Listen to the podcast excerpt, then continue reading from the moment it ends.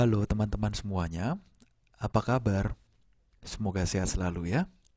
Selamat datang kembali di podcast Narasi Dokter bersama saya Dr. Michael, admin dan kreator dari Instagram page yukberkarya.id.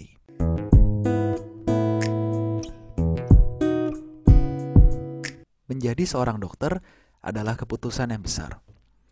Menjadi seorang dokter bisa diawali dengan awal yang memang disenangi oleh anak tersebut atau malah ada beberapa orang yang menjadi dokter karena dalam tanda kutip disuruh oleh orang tuanya.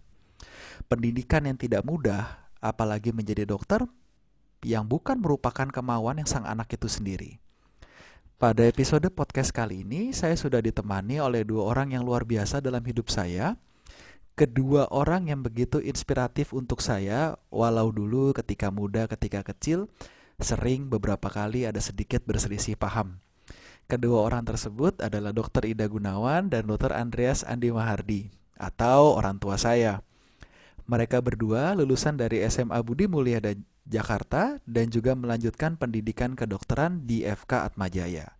Masuk tahun 1985, lulus tahun 1991 Dr. Ida kemudian melanjutkan pendidikan S2 dan PPDS di bagian ilmu gizi klinik FKUI. Mendapatkan gelar konsultan dari Kolegium Ilmu Gizi Klinik pada tahun 2016 yang di mana pada hari ini sudah berkenan, sudah bersedia untuk mau datang dan mengisi podcast kita. So, halo Mami dan Dedi, selamat pagi. Halo, halo selamat pagi. pagi. Kevin, selamat ya, pagi. Terima kasih. Terima kasih sekali sudah berkenan bersedia untuk mengisi podcast anaknya. Iya seru ya rasanya ya. Iya uh, biar dapat sudut pandang yang berbeda gitu. So karena saya lihat kan jarang sekali loh ada anak yang minta kedua orang tuanya mengisi podcast nih. Mungkin ini mungkin kali pertamanya juga. Jadi uh, saya terutama mencoba supaya tidak jadi anak yang durhaka ya dalam ngobrol-ngobrol seperti ini. Hmm. Dan kita akan banyak ngobrol-ngobrol untuk tahu perspektif orang tua, terutama orang tua saya mengenai uh, pendidikan kedokteran ini. Kira-kira bagaimana ya pendapat mereka? So, seperti semua podcast narasi dokter yang sebelum-sebelumnya, di awal podcast selalu kita bercerita mengenai kenapa sih kepingin jadi dokter, bagaimana sih latar belakangnya. Nah, saya juga ingin tahu kenapa sih kedua orang tua saya ingin menjadi seorang dokter. Mungkin kita mulai dari ayah saya dulu. Dedi, kenapa dulu ingin menjadi seorang dokter? Lalu bagaimana sih background keluarganya? Apakah di keluarga ada yang juga dokter? Iya, Michael. Kalau menjadi seorang dokter sebenarnya bukan pilihan pertama saya. Oke. Okay. Karena saya sebenarnya senangnya adalah bagian teknik. Okay. Bukan di kedokteran. Oke. Okay. Tetapi rupanya setelah sekian tahun itu hmm. baru terungkap sebenarnya ayah saya atau kakeknya Michael itu, kakeknya Kevin itu opa ya. Kepingin opa itu opa. kepingin anaknya menjadi seorang dokter. Oke. Okay saya menjadi seorang dokter itu mungkin menjadi pilihan yang ketiga. Jadi okay. di situ memang kita melihat antara profesi dan keinginan kadang tidak sejalan. Mm-hmm. Tetapi itulah jalan hidup yang sudah kita tempuh. Mm-hmm. Begitu kita memilih, maka kita harus mencintai profesi kita, pendidikan kita agar kita bisa menyelesaikan pendidikan tersebut dalam waktu yang sebenarnya tidak menjadi memanjang. Itulah hmm. menjadi awal kenapa kita memilih di kedokteran seperti itu. Awalnya berarti memang bukan keinginan pertama ya. Keinginan Dedi itu kepingin sekolah teknik ya berarti ya dulu ya. Betul, bukan. Oke, oke, oke, oke. Kalau latar belakang keluarga Dedi ada yang dokter juga enggak? Kalau dari keluarga sendiri tidak ada. Tidak ada yang menjadi seorang dokter.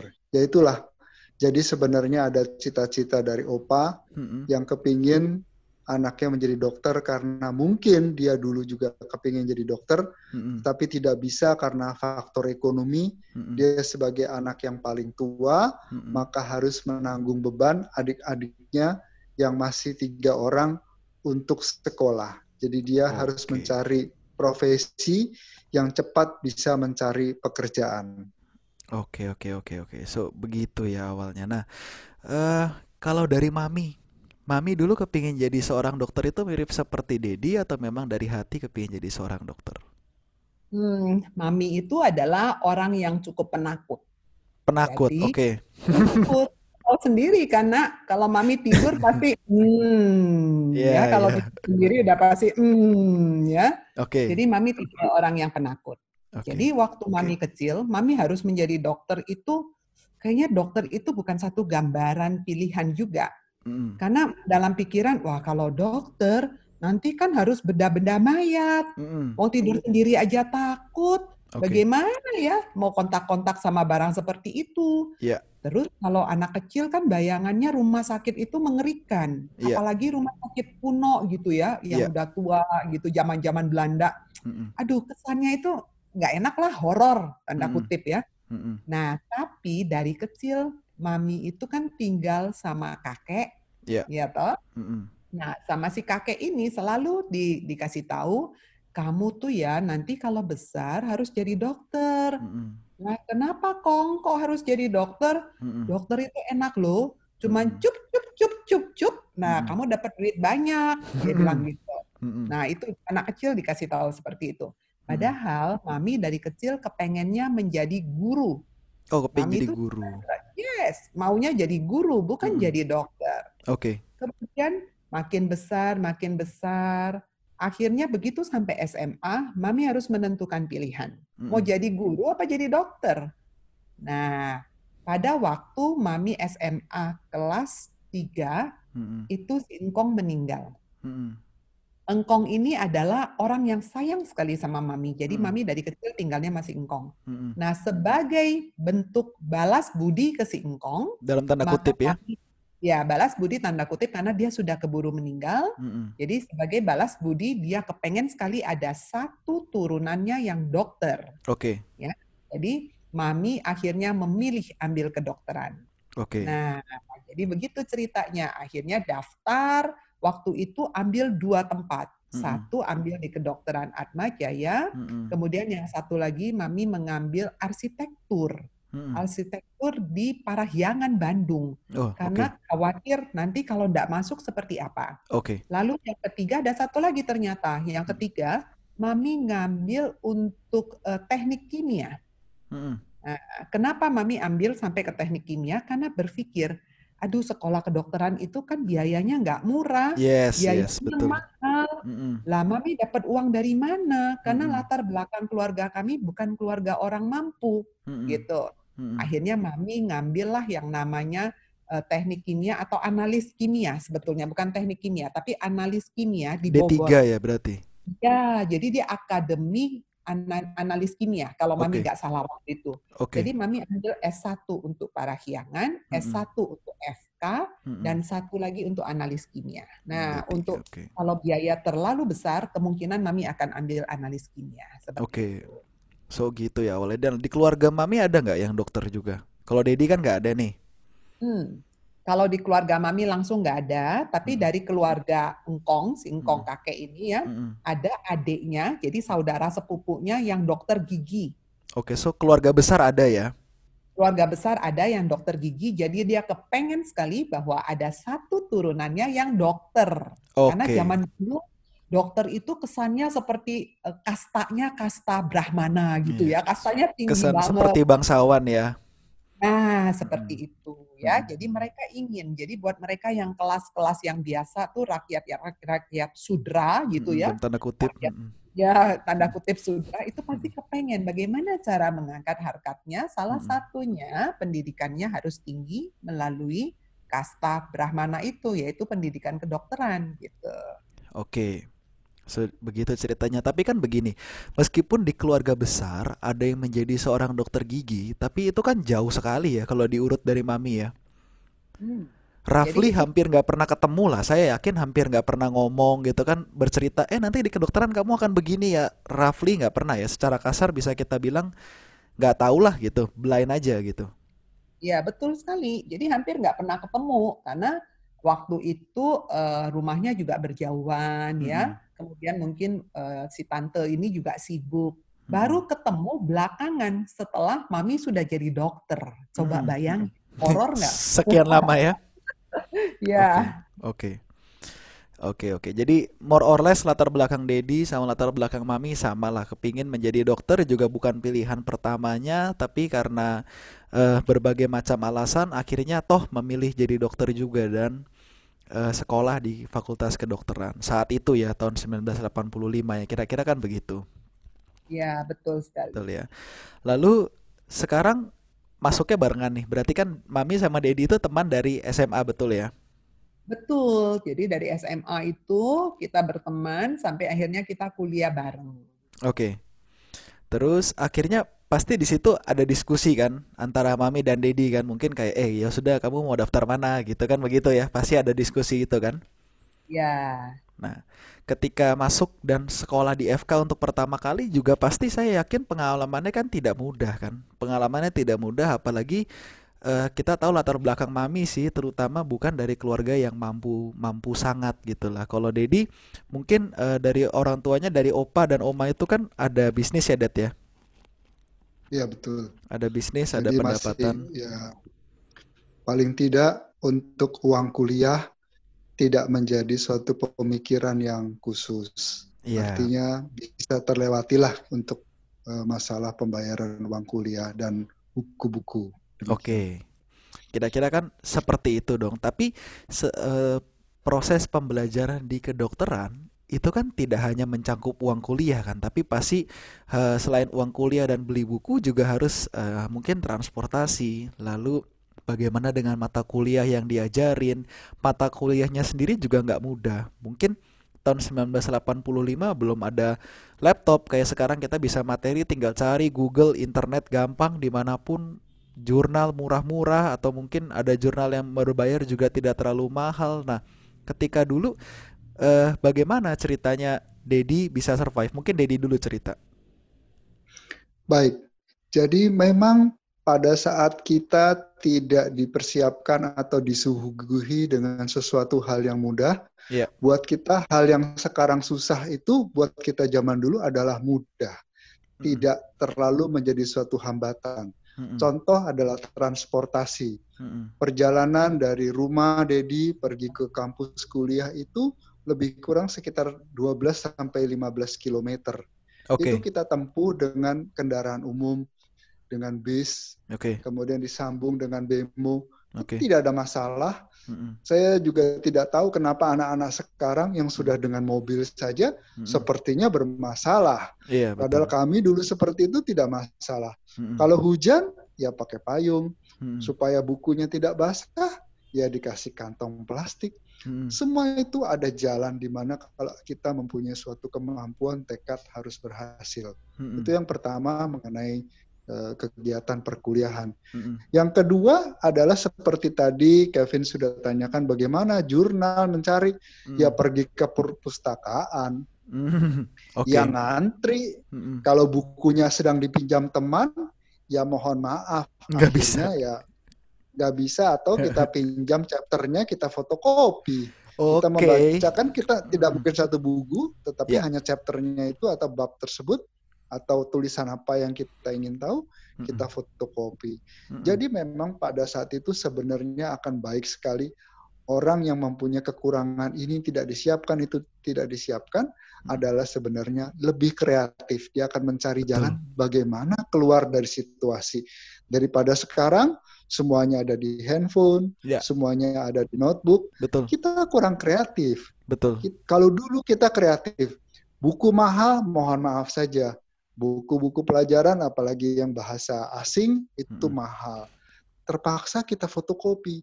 Betul. Kita tahu itu mencalahi aturan daripada hak cipta. Betul. Tapi nggak punya uang kita untuk membeli. Hmm. Itu yang pertama. Kedua, buku-buku yang sudah diterjemahkan oleh penerbit misalnya EGC hmm. pun terjemahannya tidak terlalu pas hmm. sehingga kadang-kadang malah membingungkan. Betul. Jadi itulah yang kita mencari jalan. Salah satunya makanya senat mahasiswa juga ada menjual buku-buku murah. Hmm. Itu menjadi salah satu uh, pilihan untuk membeli buku dari luar negeri atau hmm. asing hmm. yang dalam bentuk murah. Bagaimana kalau mereka bisa murah? Kertasnya dong, kertasnya kertas merang, kertas okay. daur ulang, okay. tidak ada masalah. Ya masalahnya sekarang setelah di sekian tahun hurufnya hilang. Iya. ya, betul. Tidak bisa dibaca dengan sempurna. Betul, betul. Nah, itulah kesulitan-kesulitan kita. Mm -mm. Kemudian kesulitan yang lain lagi adalah yang paling sering kita hambati adalah makan. Yeah. Sekolah kedokteran kita tahu jadwal masuknya jelas, tapi jadwal pulangnya, pulangnya nggak jelas. jelas. Betul. Ya kan, Betul. itu sampai sekarang pasti terjadi. Mm-mm. Masuknya jelas jam 7, pulangnya nggak jelas kapan. Mm-mm. Nah ini harus kita siasati juga. Kalau hanya mengandalkan dengan uang jajan, menjajan terus menjadi mahal. Mm-mm. Maka mami kreatif. Mm-mm. Dia mengkolek, mengumpulkan teman-temannya yang mau memberi sarapan untuk mm-hmm. besok. Nah nanti bisa ditanyakan sama mami bagaimana dia melakukan itu semua. Hmm. Apa pun celah apa pun bisa menjadi keuntungan buat kita dengan kita berpikir apa yang kita bisa gunakan untuk kita bisa menyelesaikan pendidikan ini dengan tepat waktu. Oke. Okay. Itu saja. So, yang ada dalam pikiran Dedi saat itu adalah apa pun yang terjadi, bagaimanapun caranya ya, ya saya harus survive gitu. Saya sudah masuk, Betul. saya harus keluar. Betul. Bagaimanapun caranya saya harus keluar. Dengan segala kekurangan, dengan segala kesulitan ya harus keluar gitu ya. Betul, harus keluar dan tepat waktu karena kalau tepat tidak waktu. tepat waktu menjadi biaya lagi kan? Betul, seperti jadi mahal itu. lagi. Betul. Oke. Kalau dari cerita Dedi seperti itu. Nah, sekarang bagaimana kalau dari cerita Mami? Ya. Untuk survive di kedokteran ya. Untuk survive di kedokteran padahal kan nggak mudah gitu. Ya betul. Uh, Mami waktu itu kan kuliahnya di Jakarta. Betul. Nah, padahal uh, Mama itu adanya di Medan. Oke. Okay. Jadi pada waktu Mami kuliah semester kedua, awal yeah. semester kedua, mm -mm. itu uh, papanya Mami meninggal. Oke. Okay. Ya. Jadi kamu bisa bayangkan tingkat satu ya? Iya, tingkat satu semester hmm. dua. Oke. Okay. Jadi bisa dibayangkan kondisinya ya cukup berat ya. Hmm. Jadi udah punya uang, kemudian orang tuanya meninggal, hmm. kemudian uh, si mama dari Medan dia uh, telepon mami bilang hmm. bahwa mereka sudah nggak sanggup membiayai kuliah mami. Oke. Okay. Oh lala. Oh lala. ya, oh lala itu. Kenapa oh Jatuh, tertimpa tangga, kecebur got. Betul, karena sudah semester kedua dan Mami sudah mulai menyenangi kedokteran itu. Oke, okay. oke. Okay. Jadi udah semester kedua terus uh, olala disuruh berhenti lah. Hmm. Yang pikiran Mami, kalau berhenti saya mau ngapain? Jadi apa? Ya kan waktu itu kan baru kira-kira umur 19 tahun ya. Yeah. Jadi uh, kalau buat makan, buat tidur ya numpang sama si Akong ini kan ya, sama okay. si Engkong jadi sama tantenya mami, oke okay lah urusan makan minum sesederhana mungkin namanya orang numpang ya. betul. Standar numpang itu ya harus tahu diri gitu. Betul, betul. Tapi untuk reguler kehidupan mami untuk kuliah, untuk biaya kuliah, buku, kedokteran, tadi Dedi sudah bilang, kedokteran itu high cost ya, Betul. segala apalagi kita di swasta, bukan di negeri loh. Betul. Ya. Zaman dulu uang kuliah mami satu semester 400 ribu tahun 85, 1985. 400 ribu ya? Ya, sekarang aja 400 ribu masih terasa besarnya kan Masih ya? mahal, betul. Masih mahal. Nah dulu 1985, kamu bisa bayangkan. Mungkin kalau di kurs uang sekarang 20 juta atau 30 juta kali ya. Ya okay. ikutlah kuliah anak-anak swasta sekarang sekitar 25 atau 30 hmm. juta kalau mami nggak salah. Hmm. Tapi dari mana? Hmm. Karena orang tuanya di Medan, mamahnya udah bilang saya give up Hmm. Saya sudah nggak bisa sekolahin kamu karena hmm. papamu meninggal dirawat di rumah sakit dengan biaya cukup banyak dan saya harus bayar biaya biaya rumah sakit Betul. karena itu boleh pinjam ya. Betul. Hasil mami bingung, tapi ya syukur syukur banget. Kenapa? Karena dari SMA, dari sekolah itu mami memang prestasinya bagus. Hmm. Mami itu adalah anak olimpiade kimia kalau sekarang. Okay. Jadi zaman dulu mami sekolah kan belum ada olimpiade. Iya. Tapi Mami lagi SMA mewakili SMA Budi Mulia untuk tanding kimia hmm. di UI sama hmm. di LIPI. Yang ngadakan adalah LIPI. Waktu okay. itu tahun 84 Ya, kamu Hmm. bisa bayangkan itu. Jadi tahun-tahun dulu belum ada istilah olimpiade, tapi Hmm. sudah ada kayak OSN gitu-gitulah mungkin Lomba-lomba gitu ya, lomba-lomba nasional gitu-gitu ya. Jadi Mami mewakili SMA itu Budi Baik. Mulia untuk eh, lomba kimia. Atas modal dasar itu, karena mamimu memang orangnya serius ya, kalau belajar itu cukup tekun. Mm-mm. Mami ngelesin anak. Lah mami punya keterampilan apa? Mm-mm. Tidak bisa main musik, mau nggak punya alat musik juga, orang miskin nggak punya duit. Mau belajar musik di mana? Zaman dulu musik itu kan konotasinya high class ya. Betul. Bisa ngajar apa? Nari nggak bisa, nggak pernah ngeles ya. Mm-mm. Jadi bahasa Inggris aja nggak pernah ngeles, wong nggak punya duit, bener-bener nggak punya uang. Kan tadi Mami sudah bilang dari kastanya sudra ya. Mm-mm. Jadi bagaimana? Harus berjuang sendiri. Mm-mm. Nah akhirnya Mami ngelesin anak. Mm-mm. Yang ngasih usul meleskan anak adalah Oma Hmm. ya. Oma jadi Dedi punya Mami. Ibu, iya, ibunya Dedi, Oma. Ya, Mm-mm. Oma. Oma punya banyak teman, teman-teman di sekolahan Dan eh, tahulah orang-orang ada uang biasanya anak-anak kelas menengah ke atas kan suka easy going kalau belajar tidak serius, Betul tidak dalam tanda struggle. kutip, betul. Ya, jadi akhirnya mami dikasih tahu, kamu mau ndak ngelesin anaknya tante A, tante B? Mm-mm. Mami bilang mau. Waktu itu ngelesinnya di Kelapa Gading, jadi cukup jauh. Pada Mm-mm. rumah mami di Mangga Besar ya. Memang Itu perumahan elit juga ya. cuman elit, orang ada uang ya. Oke. Dan mami ngelesin. Dari situ mami ngelesin, kemudian orang tuanya pada senang, kemudian lihat prestasi anaknya baik. Karena Mm-mm. kamu ingat, mami kan dari awal cita-citanya mau jadi guru Guru, kan? betul. Nah, jadi begitu suruh ngelesin seperti tersambutlah cita-citanya. Wah, saya Mm-mm. bisa ngajar, saya suka ngajar. Mm-mm. Jadi akhirnya mami dapat uang satu bulan uang les mami dibayar 40 ribu Mm-mm. satu satu anak. Jadi kamu bayangin untuk uang kuliah kan harus 400 ribu. Betul. Artinya mami harus punya anak kira-kira ya, lima lah ya itu kan gaji per bulan. Oh iya, kan oke. Mm-mm. satu semester ya paling tidak. Jadi mami harus bisa menabung. Mm-mm. Nah dari uang tabungan itulah mami membayar uang kuliah. Mm-mm. Pertanyaan kedua, bagaimana dengan buku kedokteran? Nah, mami itu kan sudah kenal sama Dedi dari SMA. Mm-mm.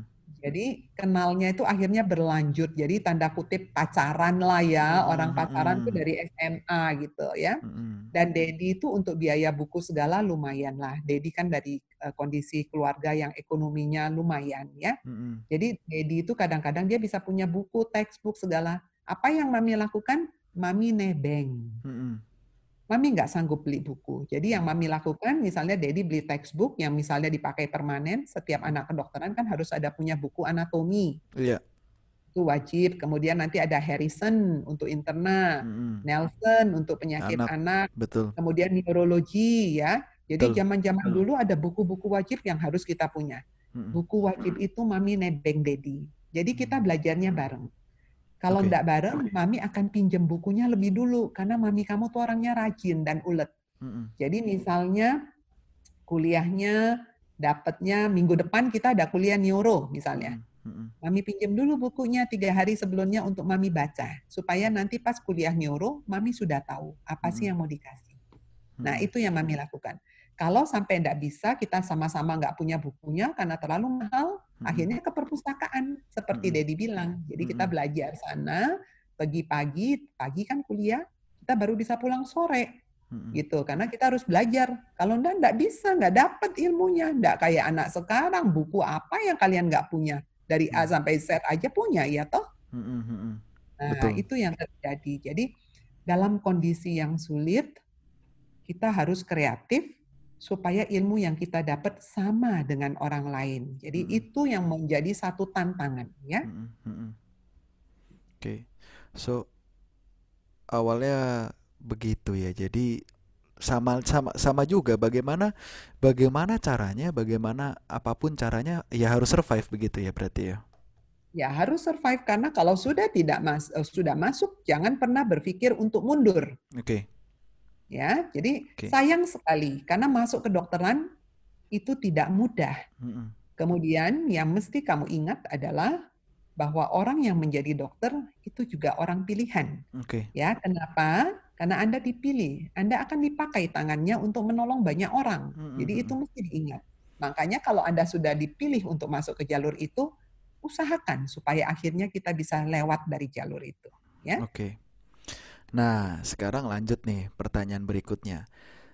Dalam tanda kutip berarti Mami dan Dedi itu kan berjuang luar biasa ya. Bukan tanda kutip lah, secara literal pun berjuang luar biasa di kedokteran. Semua dari uh, segala macam background, bagaimana belajar harus struggle, bahkan untuk makan harus struggle, bahkan untuk uh, ke kampus perjalanan pun harus struggle. Belum sekolahnya juga sulit.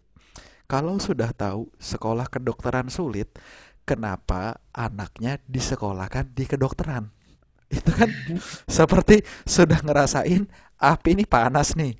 Ya sudah deh kamu masuk api juga gitu. Dalam tanda kutip kan seperti itu. Nah saya mau dengar dulu yang pertama cerita dari Dedi. Kenapa Dad? Saya saya harus berakhir nasibnya sebagai seorang dokter juga nih. Ada berbagai macam alasan. Alasan yang pertama sebenarnya eh, kami orang tua tidak memaksa yeah. anak untuk mengambil satu bidang tidak memaksa. Betul. Tapi kami mengamati. Mm-mm. Dalam pengamatan itu, Dedi melihat bahwa jurusan kedokteran ini adalah sepertinya hal yang paling cocok setelah diamati. Mm-mm. Kenapa? Karena Dedi melihat setiap kalau kamu mempersiapkan ujian kimia, ujian biologi, mm-hmm. itu kamu tidak pernah terlalu bersusah payah dibandingkan dengan mata pelajaran yang lain. Kamu belajarnya santai, kemudian juga dan sepertinya kamu punya kelebihan di di bidang ilmu seperti itu. Kamu kenapa punya kelebihan? Tidak tahu, mungkin itu adalah uh, pembawaan, memang itu adalah talenta yang dimiliki. Yang pertama, yang kedua kita harus tahu bahwa jangan pernah memilih sesuatu itu karena yang mudah. Mm-hmm. Karena karena yang mudah itu berakhirnya juga mudah. Mm-hmm. Kalau berakhirnya juga mudah juga tidak punya sesuatu hal yang manfaatnya terlalu banyak. Mm-hmm. Kalau memang sudah kita uh, tahu bahwa kemampuannya ada di bidang kedokteran seperti itu, mm-hmm. dijalankan saja bukan sesuatu hal yang tidak bisa. Toh sudah banyak dokter-dokter yang berhasil dan berhasil dengan baik, kemudian juga mempunyai mentalitas yang baik. Dan satu hal yang perlu kita canangkan juga, seseorang menjadi dokter itu sebenarnya mempunyai panggilan yang mulia. Itu harus diingat. Di mana kenapa disebut mulia? Karena memberikan jalan keluar bagi orang yang sedang kesusahan karena penyakit. Mm-hmm. Itu suatu panggilan yang benar-benar mulia, mm-hmm. bukan hanya sekedar mencari materinya, tetapi mm-hmm. memang benar-benar dipakai tanganmu, pikiranmu, hatimu, semuanya bersatu bagaimana pasien ini bisa sembuh. Mm-hmm. Itu bukan sebenar bukan menjadi kesempatan semua orang. Mm-hmm. Tidak semua orang mempunyai kesempatan seperti itu. Mm-hmm. Kalau kita mempunyai kesempatan seperti itu, kenapa tidak? Mm. Tidak ada satu gunung pun yang tidak bisa didaki kalau kita mempunyai tekad. Harus mm-hmm. jalannya buntu, ya cari jalan yang lain. Pasti mm-hmm. ada jalan yang lain. Mm-hmm. Karena kita sudah lihat sudah ada orang di puncak sana. Mm-hmm. Itu saja kalau buat Dedi. Jadi Eh, tidak pernah mengarahkan, tapi kita mengamati dan pengamatan itu mestinya tidak keliru. Iya, Kesulitan betul. awal tidak ada masalah, itu hmm. biasa. Hmm. Di dunia ini tidak ada hal yang mudah bagi sesuatu yang baik. Ya. Hmm. Ya, itu sih dari Dedi. Nah, betul. Tapi gini, Dad. Kalau saya cerita ini belum cerita ke Mami ya, masih cerita ke Dedi karena Dedi sama Mami ini kan untuk hal ini nih cukup bertolak belakang. Dalam arti, uh, Dedi tuh Dedi dalam tanda kutip bisa saya bilang sedikit mengarahkan juga. Tapi toh Dedi tahu bahwa saya punya hobi, saya punya cita-cita. Saya mau jadi tentara, saya bilang saya mau jadi seorang penerbang, mau jadi pilot. Sama Dedi, Dedi tetap fasilitasi loh. Jangan salah dalam arti uh, bukan eh sudah kamu harus jadi dokter. Pokoknya kalau kamu mau segala keinginan di bidang kedokteran, di bidang sains, Dedi akan fasilitasi. Tapi saya nggak merasakan itu gitu. Saya merasakan saya mau apa, Dedi belikan jadi saya jadi bingung gitu sebenarnya orang tua saya ini ke mana sih maunya gitu loh Dad. Baik, itu kan dalam tahap di mana kita harus melihat semua aspek. Oke. Okay.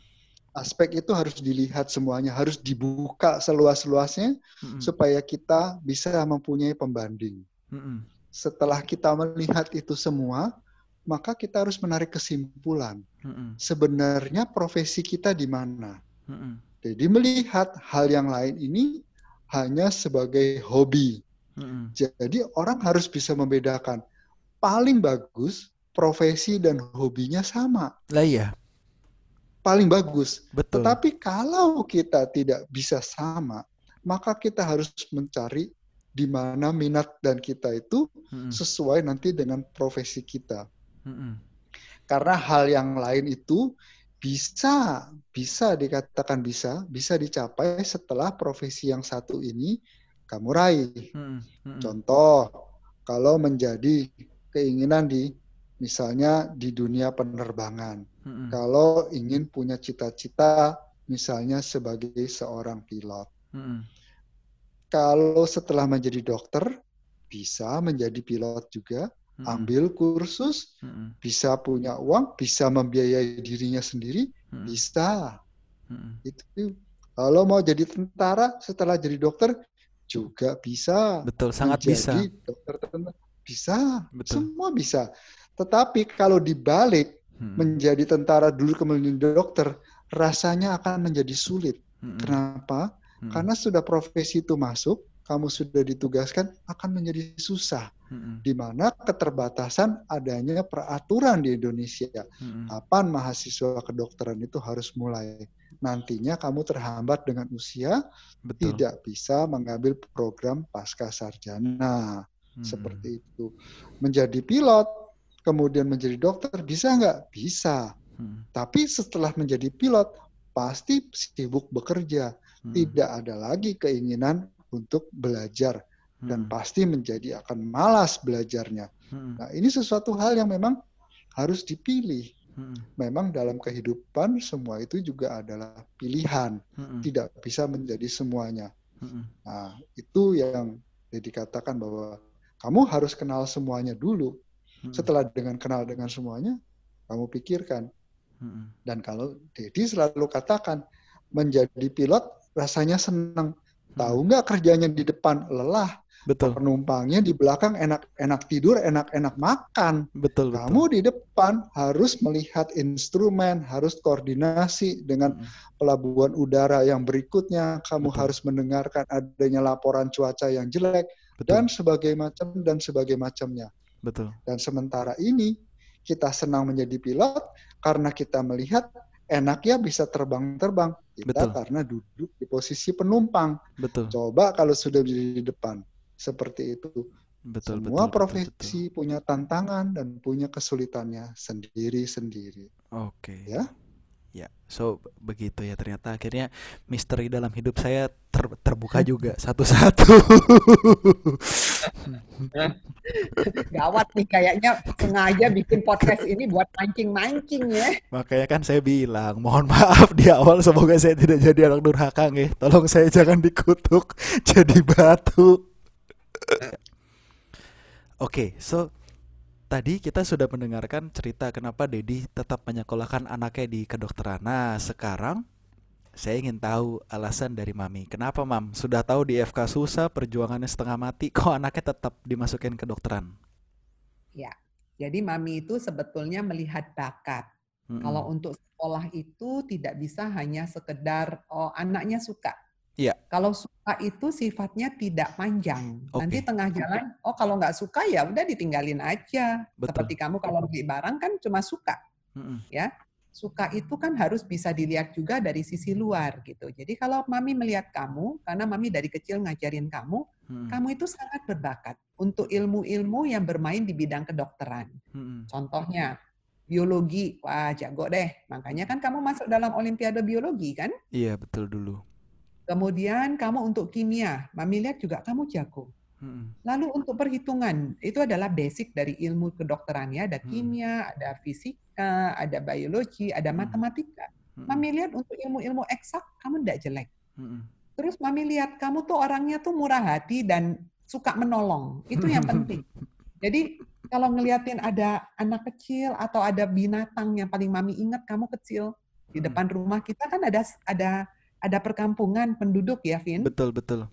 Kan lagi kamu kecil itu kalau pas lagi bulan uh, Idul Adha hmm. itu kan banyak yang dagang-dagang uh, kambing, hmm. kemudian ada sapi. Hmm. Nah, kalau menjelang-menjelang dia mau dijual hmm. atau jelang disembelih, itu pada bunyi tuh malam tuh. Hmm. Ada yang nyik. Nah, terus kamu nanya ke mami waktu hmm. kamu kecil. Mam, itu suara apa? Hmm. Itu kenapa uh, sapinya nangis ya? Kamu nanya mami. Mami jawab, iya, sapinya nangis. Kenapa mam sapinya nangis? Karena besok maminya mau dipotong. Nah, terus kamu ikutan nangis. Ya, jadi kayaknya sedih banget gitu. Kok maminya dipotong? Mungkin kamu ngerasain anak kecil ya waktu itu. Waduh, kalau saya potong, saya nggak ada mami juga sedih gitu ya. Jadi Mami lihat anak ini mudah iba ya, anak ini kambang uh, kasihan. Terus Mami lihat dia juga mau menolong. Kamu juga hmm. kalau ngelihat orang sakit, apa dong Mami yang bisa kita lakukan ya? Hmm. Jadi hal-hal seperti itu Mami lihat harusnya kamu bisa menjadi perpanjangan tangan Tuhan hmm. untuk menolong banyak orang. Jadi hmm. itu yang ada di pikiran Mami. Kenapa? Hmm. Mami ini kan cuma dokter gizi ya. Hmm. Jadi artinya gini, banyak hal-hal yang kepengen mami lakukan untuk menolong orang banyak, mm -mm. tapi terhambat dengan kompetensi, mm -mm. ya. Mm -mm. Jadi mami tidak punya satu kompetensi untuk misalnya menolong orang partus, karena mm -mm. mami adalah seorang dokter uh, gizi. Mm -mm. Ya lu lah dokter gizi nolong orang partus kecuali kalau mami di di desa yang antah berantah di sana sudah tidak ada dokter sama sekali misalnya Betul. ya. Betul. Mami pernah belajar, kita pernah sekolah sama-sama kalau kepepet ya pasti bisa ilmu-ilmu itu kan mami harus bisa ya. Atau misalnya mami ingin melakukan operasi ya lebih cilaka lagi orang nggak punya kompetensinya ya zaman sekarang nggak bisa. Nah, bagaimana caranya supaya bisa menolong lebih banyak orang? Nah, salah satunya melalui kamu gitu loh. Dan mami lihat mungkin mula-mula kamu juga uh, kalau saya bilang bukannya kamu nggak suka, sebetulnya kamu juga suka juga Cuman karena tertutup namanya anak muda. Hmm. Anak muda itu kan ibarat pisau yang belum diasah. Hmm. Ya. Jadi karena kamu ketutup-ketutup dengan kesibukan kamu, kesenangan-kesenangan kamu, kamu tidak melihat nih sebetulnya kamu punya bakat tuh yang di depan itu, kamu tidak lihat gitu ya. Jadi hmm. harus diarahkan. Seperti kalau anak kecil, kamu pernah lihat anak kecil nggak kalau lagi main sepeda? Iya. Yeah. Atau kalau dia lagi main-main, ya harusnya kalau anak kecil belajar belajar naik sepeda harusnya kan dia misal dari dari ujung rumahnya sampai ke ujung tembok misalnya. Harusnya dia konsen dong dia belajar di situ. Tapi coba kalau tengah jalan ada temennya yang manggil Kevin! Itu sepeda bisa ditinggalin nggak sama dia? Iya betul. Kemudian dia lari ikut temennya. Betul. Si Kevin yang manggil itu ya main pistol main apa dia lupa tuh sepedanya. Nah yang bisa melihat bahwa kamu itu punya jalur yang harus ditempuh dan kamu pasti bisa seperti itu adalah orang coachnya yang ada di belakang, pelatihnya. Betul. Nah, salah satu pelatihnya itu adalah orang tua kamu. Hmm. Dia mengenal kamu soalnya, hmm. ya. Jadi hmm. seperti itu. Nah, buktinya hari ini kamu rasa happy nggak? Iya happy. Indian Indian happy. Meskipun dulu tuh saya sempat bingung gitu dalam arti aduh nih orang tua gue gimana sih gue pengen jadi pilot nih saya pengen jadi pilot ya ayo beli sampai beli joystick betul ya sama Dedi Dedi sampai belikan joystick Dedi belikan semua model kit, Dedi belikan semua apa itu miniatur-miniatur pesawat yang harganya juga nggak mudah loh, nggak nggak murah loh saat itu kan, itu dibelikan gitu. Jadi saya merasa, waduh saya punya niat, saya punya eh, kesenangan di aviasi, di penerbangan juga disupport oleh orang tua saya gitu. Nah sekarang baru baru saya terbuka gitu. Jadi ternyata bukan cuman senengnya si anak, tapi si anak ini jagonya di mana, bisanya di mana dalam tanda kutip kan begitu ya berarti ya. Jadi yang dinilai adalah bakat kamu, bukan kesenangan. Bakat ya? bukan kesenangan. Oke. Okay. Ya, jadi bukannya hobi tapi bakat kamu. Kamu ingat cerita Mami tadi? Iya. Emang Mami tanya ngapain? Jadi apa Mami? Guru. Jadi guru, bukan yeah. jadi dokter. Yeah. Nah, hari ini Mami bisa mendapat semuanya. Betul. Mami jadi dokter dan juga jadi guru. Oke. Okay. Gitu ya. Okay, jadi okay. pada akhirnya nanti kamu juga bisa. Jadi nanti kamu akhirnya enjoy gitu loh. Mm-hmm. Itu karena satu hobi. Jadi mami hobi ngajar gitu. Oke.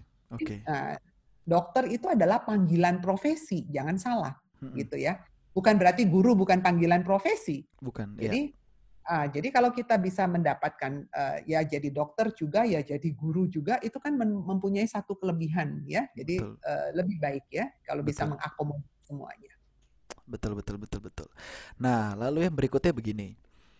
Ketika konsekuensi itu diambil, ketika keputusan itu diambil, saya masih ingat yang orang tua saya katakan, mami sama dedi bilang, itu pesannya adalah kamu harus sekolah kedokteran kalau bisa masuk di negeri. Bener ya? Mami sama Dedi kan selalu pesankan itu. Kalau bisa masuk di negeri Kevin. Nah, ketika in the saya harus daftar uh, apa namanya kala itu SNMPTN undangan ya. Itu kan kita daftarnya di rumah. Suatu sore kita saya buka komputer lalu kita isi berkasnya. Nah, akhirnya saya memutuskan untuk sekolah di Undip ketika saat itu dan diterima juga. Bagaimana perasaan dari Mami dan Dedi ketika harus jauh dari saya akhirnya karena harus kuliah di Semarang yang mungkin kota yang tidak terlalu familiar dengan keluarga pulang juga jarang gitu loh mungkin sekali pulang kalau libur semester mungkin pulang efektif dua minggu atau mungkin kadang weekend juga bisa pulang tapi cuma tiga hari harus balik kuliah nah itu bagaimana sih perasaannya mami sama dedi kita mulai dari mami dulu gantian oke okay. uh, eh, mula-mula kalau mula-mula memang kaget kenapa kaget karena kamu kan anak tunggal. Betul. Terus uh, sekolah jauh-jauh gitu. Apa ya dia bisa ya? Oh, oke. Okay. Itu pikir. Ragu ya. ya, bisa. Tapi mami nggak pernah ngomong kan? Iya, nggak pernah ngomong. Ya, mami diam aja. Yeah. Mami hanya berpikir, uh, Mami ngomong ke Dedi, apa anak ini bisa ya hidup hmm. sendiri itu jauh dari tempat kita. Hmm. Kemudian yang kedua, Semarang sebetulnya bukan kota yang baru. Semarang itu adalah kampungnya Dedi kamu sebenarnya. Betul. Betul. Jadi dia dari kecil udah kenal dengan kota Semarang gitu ya. Betul betul. Terus Mami lagi berpikir, ehm, tapi nggak apa-apa lah ya. Hmm. Anak ini adalah anak tunggal dan anak laki pula. Hmm. Kalau dia setiap hari ada dekat kita, nanti dia ada di ketek kita. Iya. Repot. Iya, dia tidak iya. mengerti. Yes. Hmm. Padahal kita tahu bahwa yang namanya seorang dokter, dia harus bisa membuat satu keputusan. Yeah.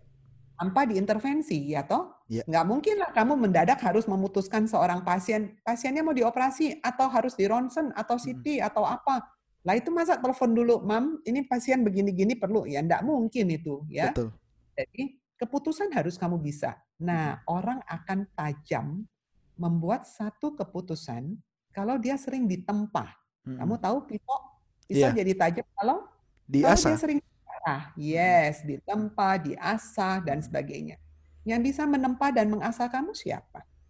Ya lingkungan. faktor lingkungan. Hmm. Ya, makanya Mami berpikir, oh dia dapat diundip, Mami rasa ini sudah terbaik. Meskipun awalnya Mami rada bingung kenapa ya kok diterimanya di Undip ya anak ini? Undangan ya? lagi. Uh, undangan dan nggak mungkin ditolak ya yang orang hmm. mau begitu banyak belagu banget. Memangnya kamu siapa? Kan betul, gitu ya. betul. Jadi itu sudah bersyukur banget. Cuman pada waktu pertama memang rada kaget juga loh.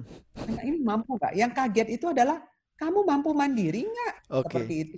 Mm ya tapi mm ternyata akal sehat lah yang berpikir mm ini harusnya uh, bagus buat kamu untuk hmm. uh, ditempa dan diasah. Hmm. Dan Mami sama Dedi hanya berpikir uh, kita kan juga banyak berdoa ya supaya hmm. kamu bisa diterima di negeri waktu itu. Mami hmm. pikir doa ini dijawab dan kalau sudah dijawab artinya yang terbaiklah buat kamu. Sudah hmm. dijalankan aja. Nah hmm. buktinya hari ini bagus kan kamu? Hmm, hmm, hmm. Betul ya. ya. Cuman kalau mami bilang hari ini akhirnya bagus itu kan ketika sudah sampai ke hari ini ya mam ketika ngejalaninnya hari demi hari itu kan juga kita kadang hilang arah kan kita bingung kan waduh ini gimana gitu kan ya mungkin seperti yang mami bilang ya bingung juga mami kan ya ya jadi gini kamu pernah kan namanya jalan-jalan ya. ngelihat pemandangan ya kamu kalau mau ngelihat satu pemandangan yang bagus, kamu pasti harus lihatnya dari atas kan. Makanya ya. kenapa orang pasang drone? Iya, pasang drone. Tujuannya betul. apa? Pakai drone karena dia lebih tinggi dari kita. Iya. Tujuannya supaya kita bisa ngelihat skopnya, weh keren banget. Iya. Emang kalau naik ke atas itu gampang ya? Enggak juga. Capek nggak kalau misalnya kamu harus manjat gunung itu? Mm -mm. Ya, ya capek. Kamu bisa nyasar nggak? Bisa aja. Nah itu. Dalam hidup juga sama. Nah, kalau kamu mau melihat satu pemandangan yang bagus skop kamu, kamu harus manjat lah. Emang hmm. kalau orang manjat bisa ya pakai lift ya? Hmm. Alam itu kan nggak pakai lift toh. Hmm. Iya kan? Betul, kamu betul. harus manjat pakai kakimu dan tanganmu. Hmm. Bisa tersesat nggak? Kamu merasa tersesat? Kamu betul. bisa aja. Makanya kamu duduk dan pakai map. Baca hmm. tuh map. Makanya betul. kamu dibekalin. Hmm. Dibekalin dengan fisik yang baik. Hmm. Dikasih map. Dibawain bekal, makanan, minuman secukupnya. Supaya kamu bisa sampai di atas. Begitu kamu udah sampai di atas, langsung kamu teriak, wah pasang Bagus. bendera merah putih berkibar. Hmm. Bagus banget ya. Hmm. Nah, itu dalam hidup juga harus begitu, ya. Hmm. Oke, itu dari segi pandang uh, ibu ya, dari segi pandang mami. Sekarang kalau dari segi pandang Dedi bagaimana, Ded? Ya, mau menjadi pemenang harus berjuang. Oke. Tidak ada pemenang yang mendapat dengan cuma-cuma. Yeah. Itu omong kosong. Itu mm -hmm. prinsip yang harus kita pegang. Mm -hmm. Kalau mau menjadi pemenang, harus berjuang. Mm -hmm. Laluin saja hal-hal yang sulit, karena hal-hal yang sulit itu sebenarnya hanya membuat orang takut di depan, mm -hmm. supaya orang tidak berhasil. Mm -hmm. Tetapi kalau itu dilalui, maka sebenarnya tidak ada yang sulit. Mm -hmm. Sekarang kalau kamu tengok ke belakang, maka itu sebenarnya bukan gelombang, tapi cuma riak-riak kecil. Hmm. Tapi dulu melihatnya sepertinya itu suatu gelombang yang susah ini segala macam. Hmm. Dan itulah jangan terkecoh dengan duniawi karena hmm. itu semuanya adalah fata morgana. Hmm. Lakukan tujuan kamu hmm. dan tempuh itu dengan hati yang gembira, hmm. maka semuanya pasti ada mempunyai jalan. Hmm. Begitu. Jadi kalau mau bicara perasaan, ya pasti kita sebagai orang tua juga ada perasaan kesepian hmm. karena kamu akan diting akan pergi hmm. untuk menempuh pe apa, apa, pendidikannya enam tahun. Hmm. Tapi kalau kita menggunakan logika kita, hmm. maka semua itu sebenarnya hanya pendek saja, hmm. dinikmatin saja. Hmm. Dan setelah selesai enam tahun pun rasanya, oh sudah selesai ya. Iya betul. Juga. Betul itulah makanya jangan pernah takut dengan hal-hal yang menakutkan di depan. Sebenarnya tidak ada apa-apa semua itu. Lakukan saja. Kadang-kadang itu malah sebenarnya menjadi penghambat dari kita karena kita menjadi takut untuk melangkah. Padahal melangkah dulu satu langkah. Setelah satu langkah, dua langkah, empat langkah, dan seterusnya. Larilah. Setelah itu kamu tidak akan pernah takut lagi. Ya, jadilah seorang pemenang, bukan menjadi orang pecundang yang takut sebelum melakukan apa-apa. So ketika ada kesempatan itu harus kita ambil ya. Jangan jangan mikir kejauhan, ambil aja dulu. Nanti satu demi satu baru kita lalui gitu ya detik kira-kira. Betul, kesempatan tidak akan datang dua kali. Ada kesempatan langsung diambil. Toh bukan sesuatu hal yang aneh. Betul. Ya, seperti Betul. itu. Nah, ini saya ada cerita lucu nih sebenarnya. Saya masih ingat dulu ketika awal-awal sampai di Semarang itu banyak sekali lah problem, problem di rumah, lalu problem perkuliahan karena saya masih adaptasi. Lalu kadang tuh saya cerita sama mami dan sama dedi, mungkin mungkin apa ya problemnya remeh-temeh gitu kayak masalah listrik lah, masalah air. Terus saya ingat responnya dari mami sama dedi selalu sama. Mami sama dedi tuh bilang begini, Kevin, uh, sekarang kamu sudah dewasa gitu. So ketika kamu ada problem, kamu solve sendiri dong. Kamu jangan nanya sama kita. Kita juga jauh bantu ini bagaimana. Coba kamu pikir solve bagaimana. Jadi apa ya? Dari situ saya jadi belajar bahwa uh, itu yang Mami bilang bahwa saat itu saya belajar mengambil keputusan even kalau keputusan yang saya ambil belum tepat saat itu, saya belajar gitu. Untuk keputusan yang berikutnya, kedua, ketiga dan seterusnya, kita belajar keputusan ngambil yang lebih baik, lebih baik, lebih baik lagi gitu. Jadi kalau saat itu saya merasa ditelantarkan dalam tanda kutip, sekarang saya merasa itu adalah uh, kasih sayang yang paling besar sebenarnya yang diberikan oleh orang tua saya gitu. Meskipun pasti mungkin mami sama dedi juga nggak tega ya. Ya, yang namanya ngedidik anak kan harus harus ada tarik ulurnya. Yeah. Kamu tanya sama semua orang tua pasti bunyinya sama. Iya. Yeah. Oh, kalau kita terlalu banyak ngulur seperti kita main layang-layang. Mm-hmm. Kalau layang-layang itu terlalu banyak diulur, jatuh nggak tuh layang-layang ke tanah? Iya, jatuh. Nggak nggak terbang. Terbang nggak? nggak terbang dia. Hmm. Bagaimana dia mau mau gagah gagah hebat di hmm. angkasa hmm. sehingga orang semua pada melihat, wis keren layang-layangnya. Hmm. Orang dia nggak bisa ngelawan angin, nggak ada yang narik dia. Betul. Nah, pada anak juga sama. Hmm. Kamu harus bisa ditarik dan diulur. Hmm. Jadi pada waktu ditarik itu kan terasa sakit ya. Seperti kamu stretching aja. Otot yeah. kalau stretching sakit Sakit ya, luar biasa. Yes, sama.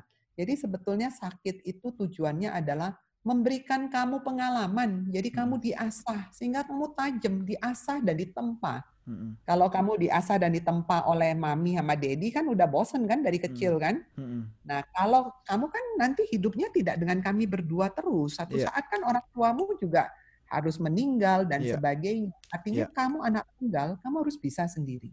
Yeah. Nah, kamu harus tahu kalau di luar itu seperti apa sih hidup di luar.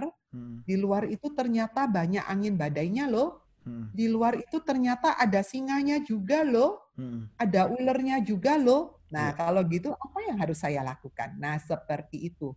Nah, ini hmm. sekarang kami melepaskan kamu itu tapi kan tetap kami masih melihat dari jauh. Oh, yeah.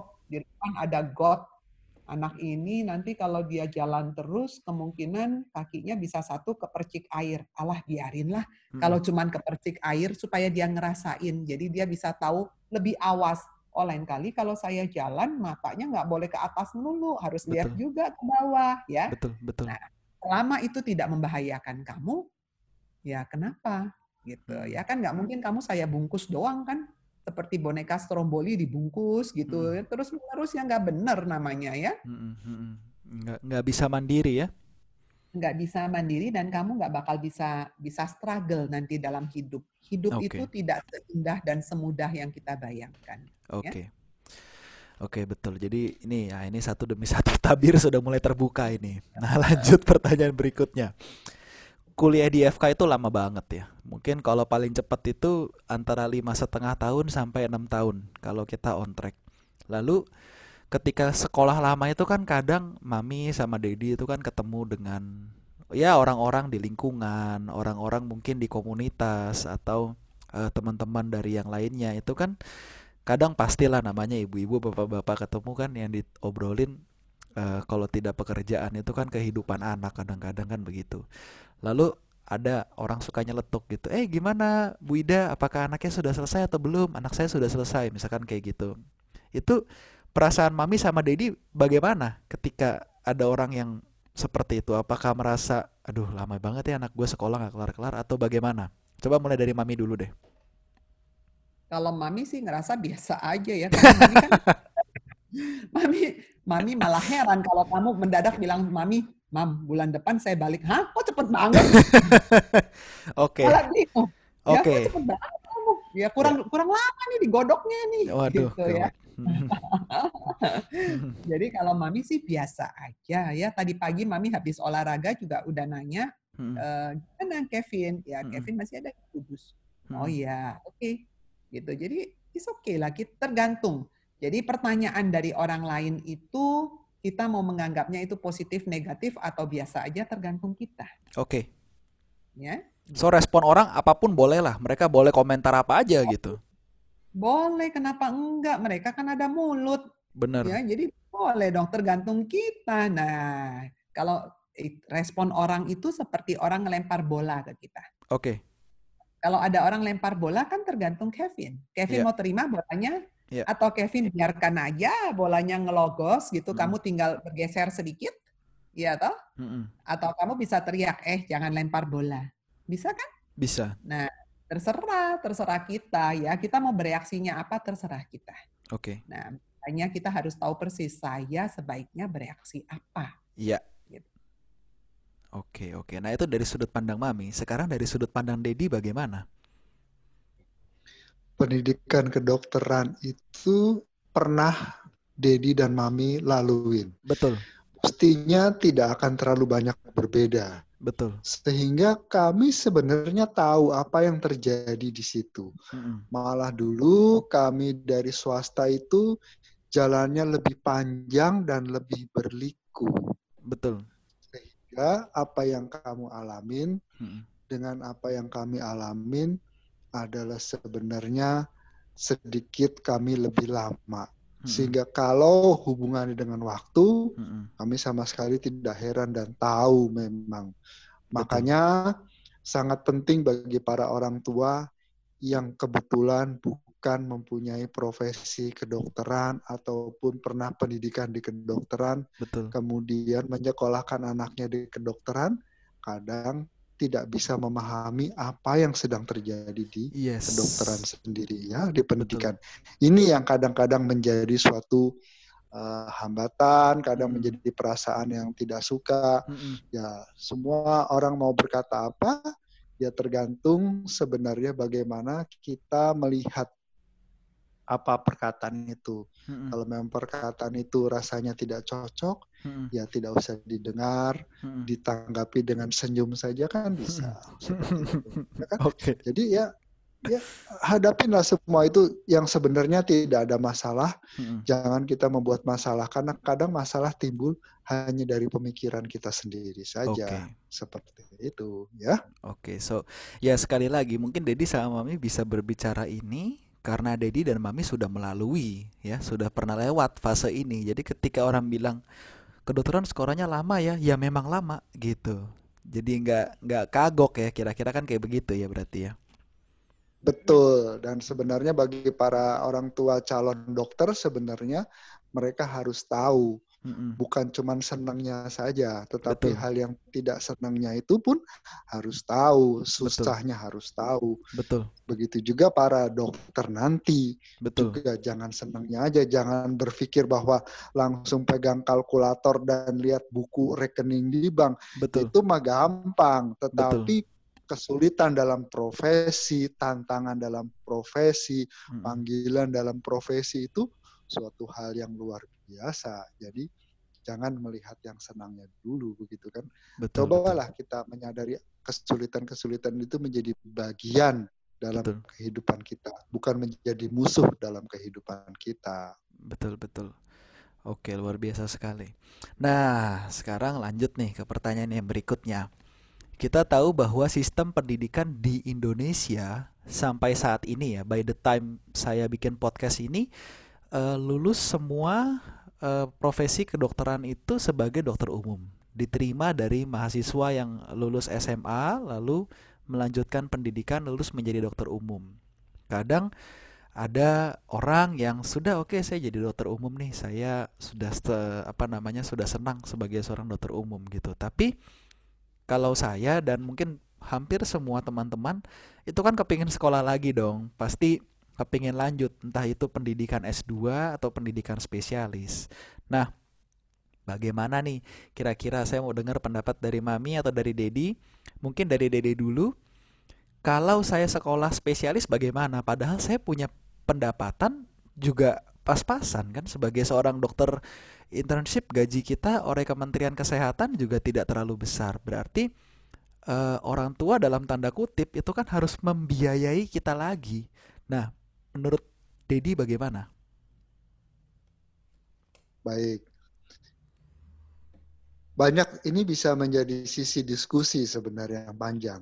Betul. Tapi sekarang tidak akan mencakup kepada hal yang lain. Mm -mm. Selama kita mampu sebagai orang tua, mm -mm. ya harus disupport karena kita tahu bahwa pendidikan menjadi seorang dokter umum mm -mm. adalah sebenarnya pendidikan yang masih tanggung hmm Kecuali memang kita akan mengabdikan profesi kita di daerah terpencil. Mm-hmm. Tapi sekarang pun sudah menjadi suatu tuntutan bahwa daerah terpencil pun memerlukan seorang dokter yang punya tingkat kompetensi dan keahlian yang lebih baik, Betul. lebih tinggi dari sekedar seorang dokter umum. Betul. Jadi tentunya dokter umum ini sebenarnya menjadi suatu jembatan hmm. untuk pendidikan lebih lanjut yang harus diikuti. Hmm. Nah, orang tua dalam hal ini harus realistik hmm. tentunya. Kalau itu harus dibantu, ya hmm. ya harus dibantu.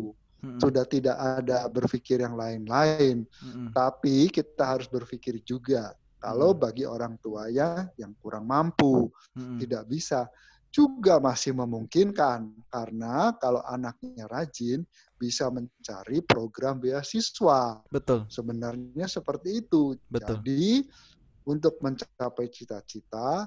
Di mana ada kemauan, di situ ada jalan. Betul. Jangan kita hanya berpikir, oh sudah nggak bisa ya sudah. Oh tidak bisa. Kita mempunyai jalan, harus berpikir, hmm. mencari. Begitu ya. Oke, okay. so kalau dari Dedi uh, sebaiknya support ya. Kita harus support terus karena toh ini niatan yang baik ya, bukan ingin melakukan hal yang tidak baik kan seperti itu ya. Betul.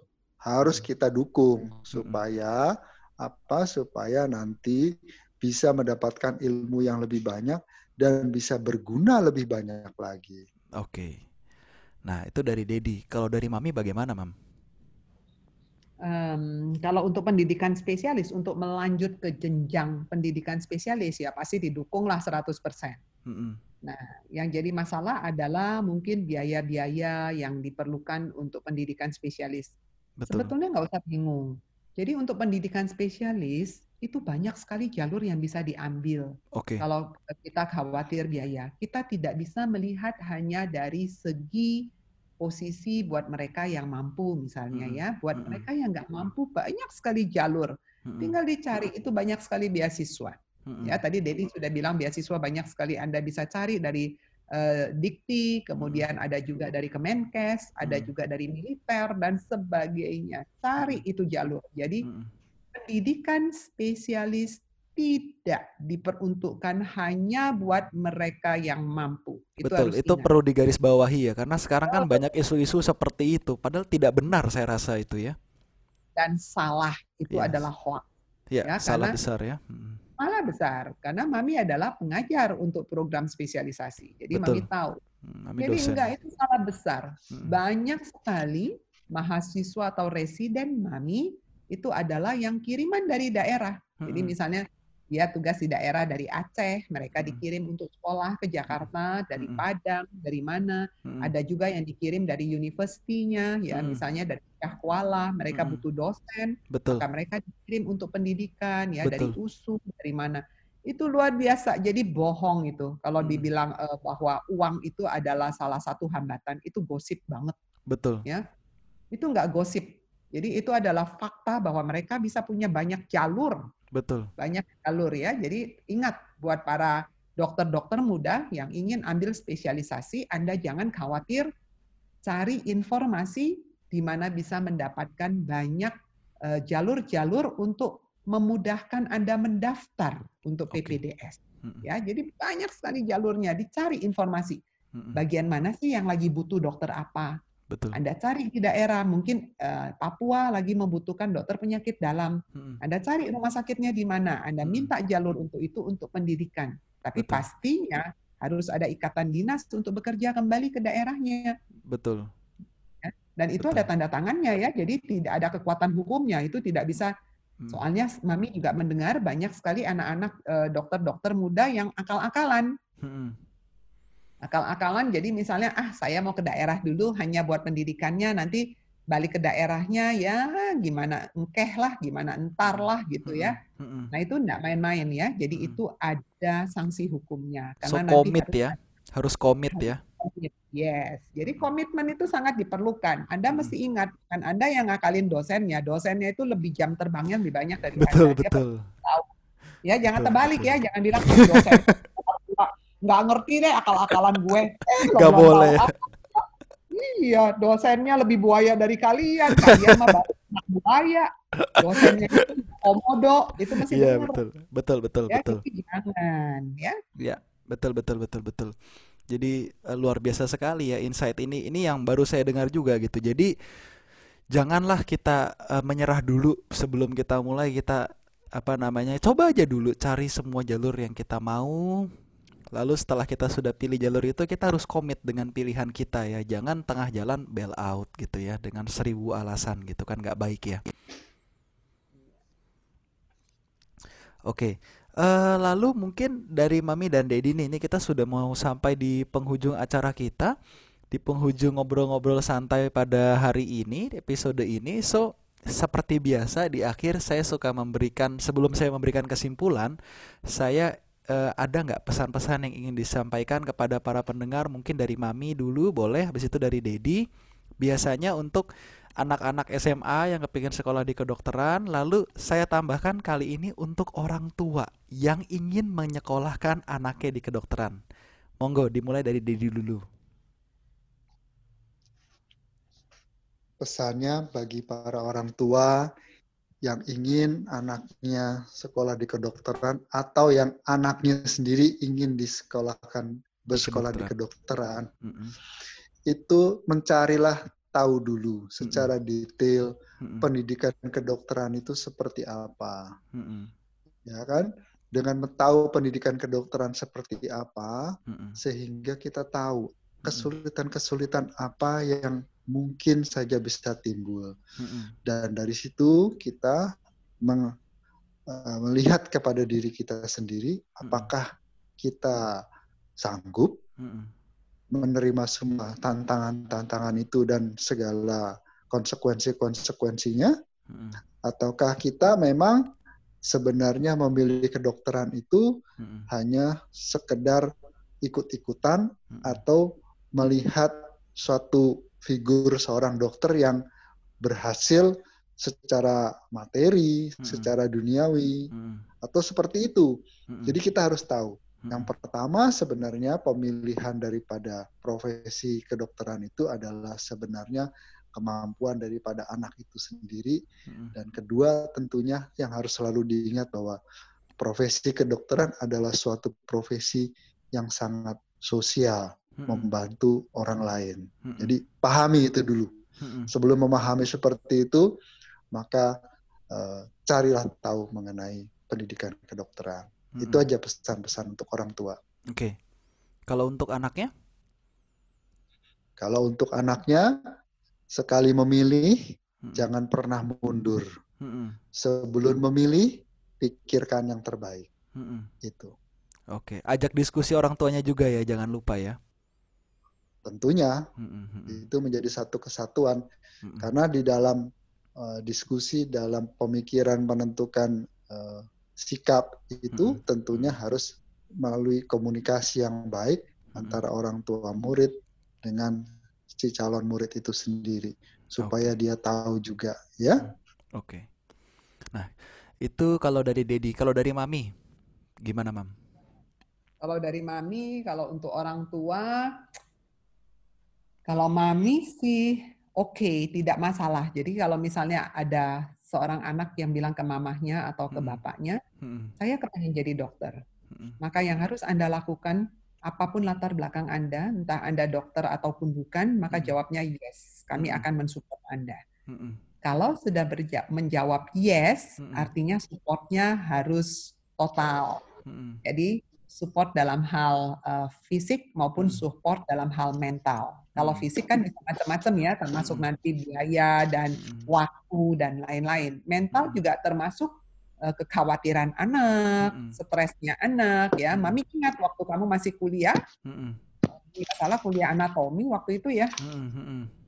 Ya, kamu juga pernah telepon mami bolak-balik kan, mam gimana nih besok saya harus uh, mulai bermain dengan kadaver dan sebagainya. Kamu ingat waktu itu? Iya, ya, harus diseksi kadaver. Hmm ya di mana mami waktu itu lagi praktek, mana hmm. pasien hmm. banyak, nah, ya jadi hal-hal seperti itu juga itu kan salah satu bentuk kekhawatiran anak ya hmm. itu hmm. kalau dilihat dari sisi orang tua. Hmm. Kalau dilihat dari sisi anak, eh, anak tuh harus ingat bahwa apa pun yang kamu pilih itu adalah yang terbaik buat kamu. Hmm. Namun ingat sebelum kamu memutuskan memilih boleh, kamu hmm. boleh milih hmm. dari 100 macam kamu boleh milih 10. Hmm tapi dari 10 ini kan harus ada yang kamu putuskan. Betul.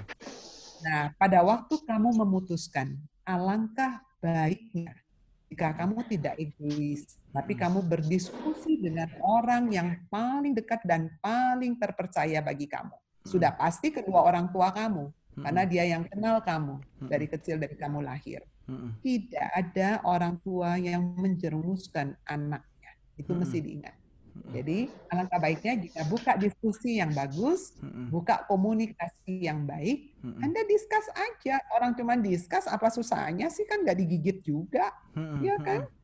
Jadi cerita aja apa kekhawatiran Anda, Anda lihatnya dari sisi mana ya? Anak-anak ini pada lihatnya saya lihatnya dari gini gini gini. Nanti kalau saya gini gini gimana? Ya ngomong aja, nggak masalah. Nanti orang tuanya juga lihat, oh saya lihatnya dari sisi ini. Nah kalau kamu seperti ini akan jadinya kayak gini ya.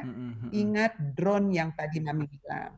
Ya, jadi drone itu dia tinggi sekali sehingga dia melihatnya bisa banyak sekali. Nah orang tua kamu ini belum jadi drone.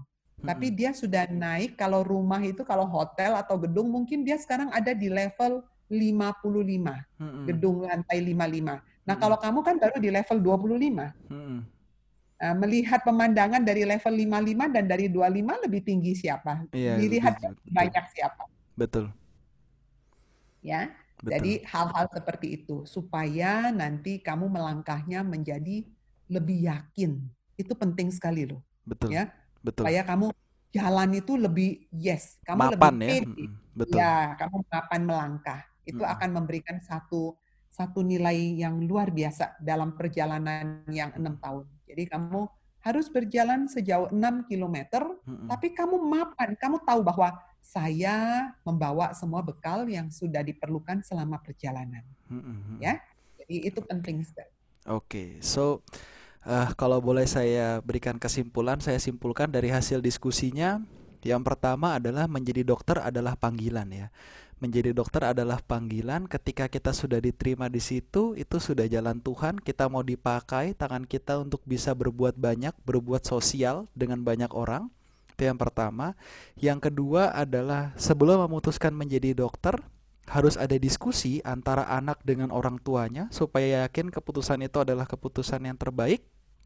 Dan yang terakhir adalah ketika sudah komit mengambil keputusan itu baik orang tua dan anak harus komit susahnya kayak apa harus dijalanin sampai akhir selesai. So, kira-kira seperti itu. Saya ucapkan terima kasih banyak kepada Mami dan Dedi yang sudah meluangkan waktu, sudah mau mengisi podcast anaknya. Terima kasih banyak. Okay. Terima kasih. Terima kasih. Dan semoga kiranya podcast ini tetap menjadi teman yang baik, tetap menjadi uh, teman ngobrol-ngobrol bisa memberikan ide, insight, semangat dan hiburan buat teman-teman semuanya ya. Salam sehat selalu.